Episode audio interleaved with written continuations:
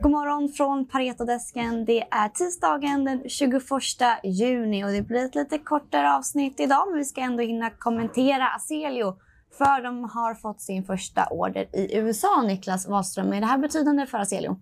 Eh, storleksmässigt så är det då inte jätteintressant för det är eh, två enheter.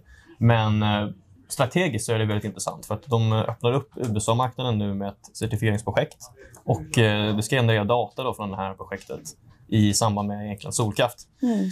Så på det sättet så är det en väldigt positivt sätt att öppna upp en, en ny marknad för Aselio. Mm. Är det här en bra marknad för Aselio skulle du säga? Jag skulle säga att USA är en väldigt stor marknad när det kommer till cleantech-spacet allmänt. Och Kalifornien är då väldigt inriktad och lite längre fram i tiden när man kollar till mer refueling stations och mer användare av elbilar och så. Så att, eh, det är en allmänt positiv marknad att sätta sig in i Mm. på direkten. Och berätta om orden, eh, Niklas. Eh, vad, vem är det som har beställt de här testpoddarna? De heter då eh, Handy Stock Market och det är typ convenience store som har lite placerade olika lokationer, lokation, locations då i USA kring eh, olika bensinstationer bland annat. Mm.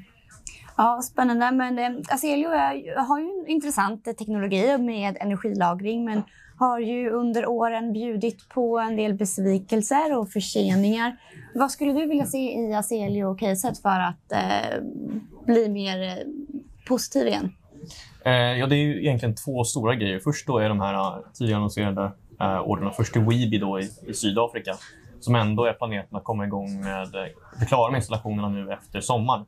Eh, samt också eh, då till eh, den andra Egypten i orden. Men den är ju, eh, orden i Egypten.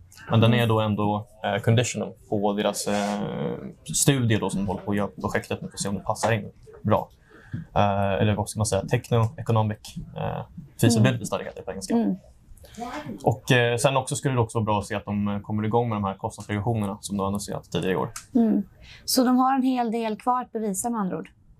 Absolut, eh, det har de eh, att göra. Så det här är mellan är ett rätt steg i, eh, i en bra riktning för Asilio. Och Mm. med en ny marknad så är det också väldigt positivt. Mm. Ja, det blir intressant att följa. Tack så mycket Niklas. Tack så mycket för att ni var med oss den här varma tisdag förmiddagen. Ha nu en trevlig fortsatt dag. Och snart öppnar USA. De hade ju stängt igår.